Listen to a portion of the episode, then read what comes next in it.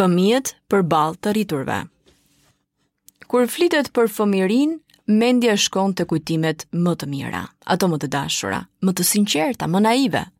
Askush nuk i harron kacavirrjet nëpër pemë, guralecët e vegjël që mblidheshin kudo, dhe më pas shërbenin si gurë peshoreje, kur luhej loja e shitësit me blerësit.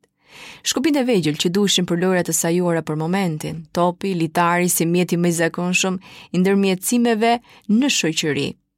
Shumë nga këto lojëra sot është vështirë t'i gjesh, sepse fëmijët nga lodrat e pafundme që ju jepen nuk arrijnë të krijojnë mënyra argëtimi vetjake duke futur fantazinë.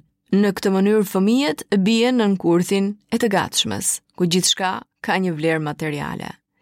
Fëmijëria është mosha kur prindërit nuk i harrojnë as pyetjet e shumta të pafajshme të cilat mbijnë në kokën e tyre, për mënyrën si kanë ardhur në jetë, kur do të bëhen me motër ose vëlla, si del dielli, si mundet ta nxjerrë gjuën krokodili, nga ana tjetër vijnë përgjigjet e sajuara. ndonjëherë dhe gënjeshtrat që dalin për të mbuluar të vërtetat e të rriturve. Kjo është një tjetër kurth që ngrenë prindërit tek fëmijët e tyre, edhe nga pamundësia për të gjetur përgjigjen më të mirë. Fëmijët rriten dhe prindërit injektojnë dëshirat e tyre tek vogëlushët, duke dashur që ata të bëhen më të zotë dhe më të pavarur. Por çështja është, si e formojnë këtë gjë? Nëse fëmijët trajtohen si kopje e njërës pale, babait apo nënës duke projektuar ëndrrat e tyre, fusin fëmijët në kurthin e frustrimit. Vogëlushët nuk janë pronë e prindërve, pavarësisht trashëgimisë së gjeneve, personaliteti i tyre është unik dhe duhet të krijohet me kujdes. Një fëmijë i shkathët ka nevojë për disiplinë dhe vëmendje, ndërsa një fëmijë i brishtë dhe i ndjeshëm ka nevojë për tolerim dhe stimulim. Megjithatë, ka një sërë tiparesh të tjera të cilat prindi duhet të jetë aty për ta ndihmuar, për ta përmirësuar, por nuk mundet ta ndryshojmë. Po ashtu, ka shumë prindër që fëmijët duan t'i angazhojnë me kurse trajtime të ndryshme në lidhje me komunikimin, me aftësinë e tyre për leadership apo veprimtari të shumta. Në këtë mënyrë ata i fusin fëmijët e tyre në kurthin e ankthit, që vjen nga koha e kufizuar, mbytjes nga përgjegjësitë e shumta. Sasia nuk është kurrë e këshillueshme sa cilësia, ndaj është mirë që ndërgjegjja e fëmijës të formohet në natyrshmëri hap pas hapi. Së pari fëmija duhet të mësojë mirë gjuhën mëmë, e më pas me kohën t'i mësojë edhe gjuhët e tjera. Së dyti fëmijët kanë nevojë më shumë për natyrën sesa për klasa të mbyllura ku vizatojnë lule fallco nëpër mure. Së treti, fëmijët duan praninë e prindërve dhe jo kohë të mbushura me kurse vetëm që nëna apo babai të ketë mundësi të bëjnë disa orë pushimi. Mos harrojmë që edhe parqet janë mënyrë e mirë argëtimi për fëmijët. Nga larg dëgjohen të qeshura dhe lëvizje të pashquara, ndërsa nga afër mund të ndodhin ngjarje nga më të ndryshme, Nisur nga ideja për t'i mësuar fëmijëve të vetëmbrohen, prindërit i lënë ata të lirë, le t'ia dalë vetë.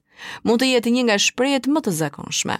Sigurisht që do t'ia dalë, por jo të gjakosë fëmijën tjetër, ta shtyjë atë, t'i gjuajë dhe të bërtasë se topi i tjetrit i duket më i bukur dhe duhet ta zotërojë patjetër. Kjo nuk është pavarësi, por futja e fëmijës në kurthin e mosndëshkimit. Nëse vogëlushët nuk dinë disiplinën, mundet të pretendojnë tashmë që edhe vazhdimësia do të jetë e tillë.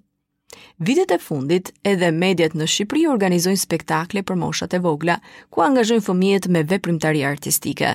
Megjithatë këto shfaqje televizive kërkojnë komercializëm dhe efekte për të tërhequr sa më shumë shikues. E në këtë linjë fëmijët bien në kurthin e mediatizimit. Duke nisur që nga orari i vonë që nuk është i përshtatshëm për të vegjëlit, në këto spektakle të rriturit i mësojnë fëmijët të sillen sipas skenarit, të krijojnë situata humori dhe të argëtojnë të rriturit e tjerë, si dhe të bëjnë pyetje jo fëmijërore, keqdashëse, nga ato që krijojnë përgjigje për thashetheme portalesh për të nesërmen.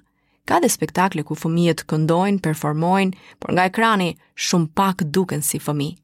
Veshja, sjellja, tualeti në sytë e vogëlusheve, buzëkuqi në buzët e njoma çojnë në kurthin e rritjes përpara kohe. Çdo fëmijë duhet të jetojë stadet e veta, ndaj prindi ka përgjegjësinë ta ruajë nga kurthet e materializmit, banalitetit, mediatizimit, keqinformimit, Prindi, ndër të tjera, ka përgjegjësinë të mos e fusë edhe në kurthin e tij me pretendimin se këto mënyra e bëjnë fëmijën më të fortë, më të mirë. Madje do të ishte mirë të ndiqnim parimin e mos të lindurit fëmijë për të riprodhuar veten, por për të patur qëllimin për t'i përmirësuar ata.